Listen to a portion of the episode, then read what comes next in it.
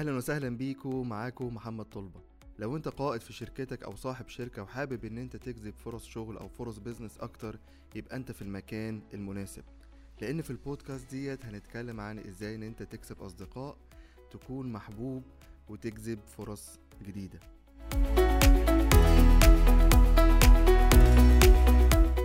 أنا بشكرك جدا إن أنت بتسمعني النهاردة وحابب أقولك كل سنة وأنت طيب.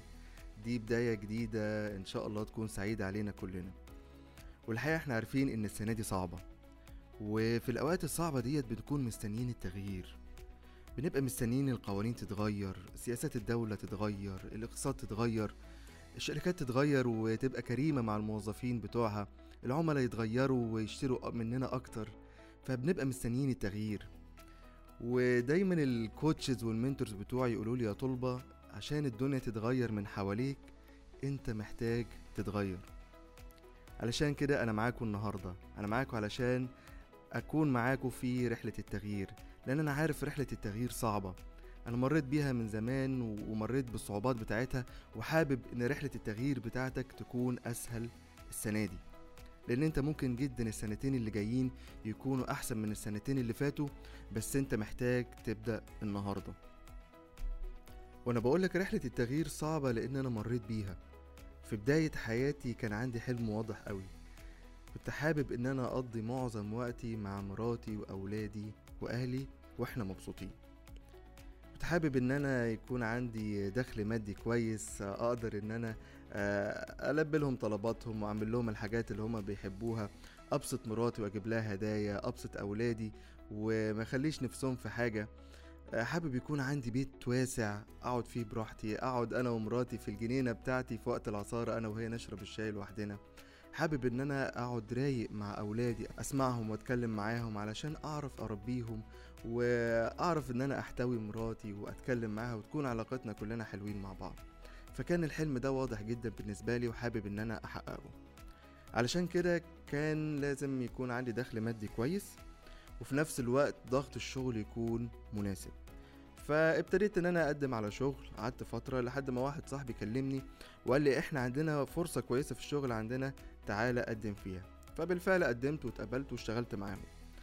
أه بس ما كانش يعني الوظيفة هي اللي هتحقق لي الطموح بتاعي.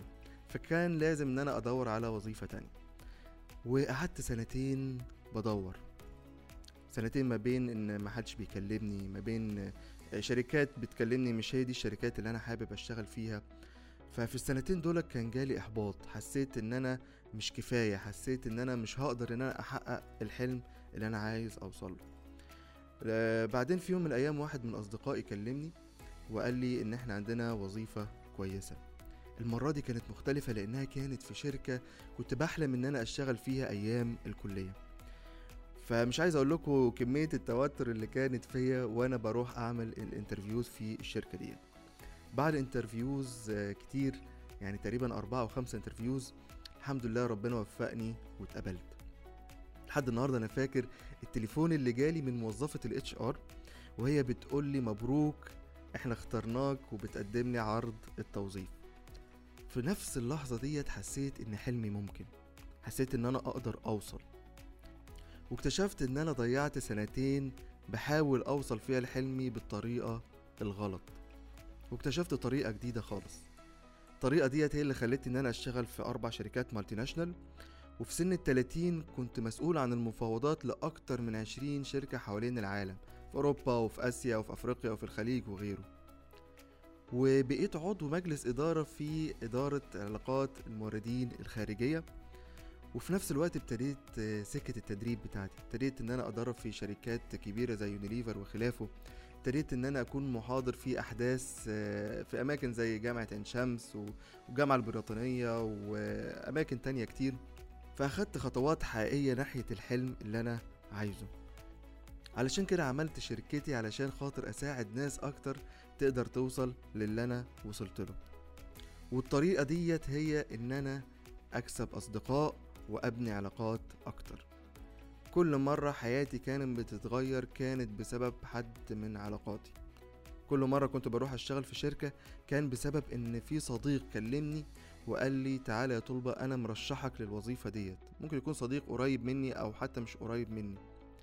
لما ابتديت شركتي في الحاجة اللي أنا حبيت إن أنا أشتغل فيها من زمان وابتديت أشتغل فيها وأنا مبسوط كان بسبب علاقاتي. في ناس وجهتني إزاي إن أنا أفتح شركة في ناس وجهتني إزاي إن أنا أدرب في ناس ساعدتني ماديا في ناس ساعدتني معنويا في ناس وقفت جنبي وفي ناس شجعتني. فدايما كل تغيير في حياتي كان بيحصل بسبب علاقاتي. علشان كده في البودكاست ديت أنا والضيوف بتوعي هنتكلم عن إزاي إن أنت تعمل صداقات تبني علاقات وتجذب فرص جديدة. بشكرك إن أنت سمعتني النهاردة ومبسوط جدا إن أنا هكون مشاركك في رحلتك للتغيير. استنوني كل يوم أربع الساعة 8 في بودكاست جديد.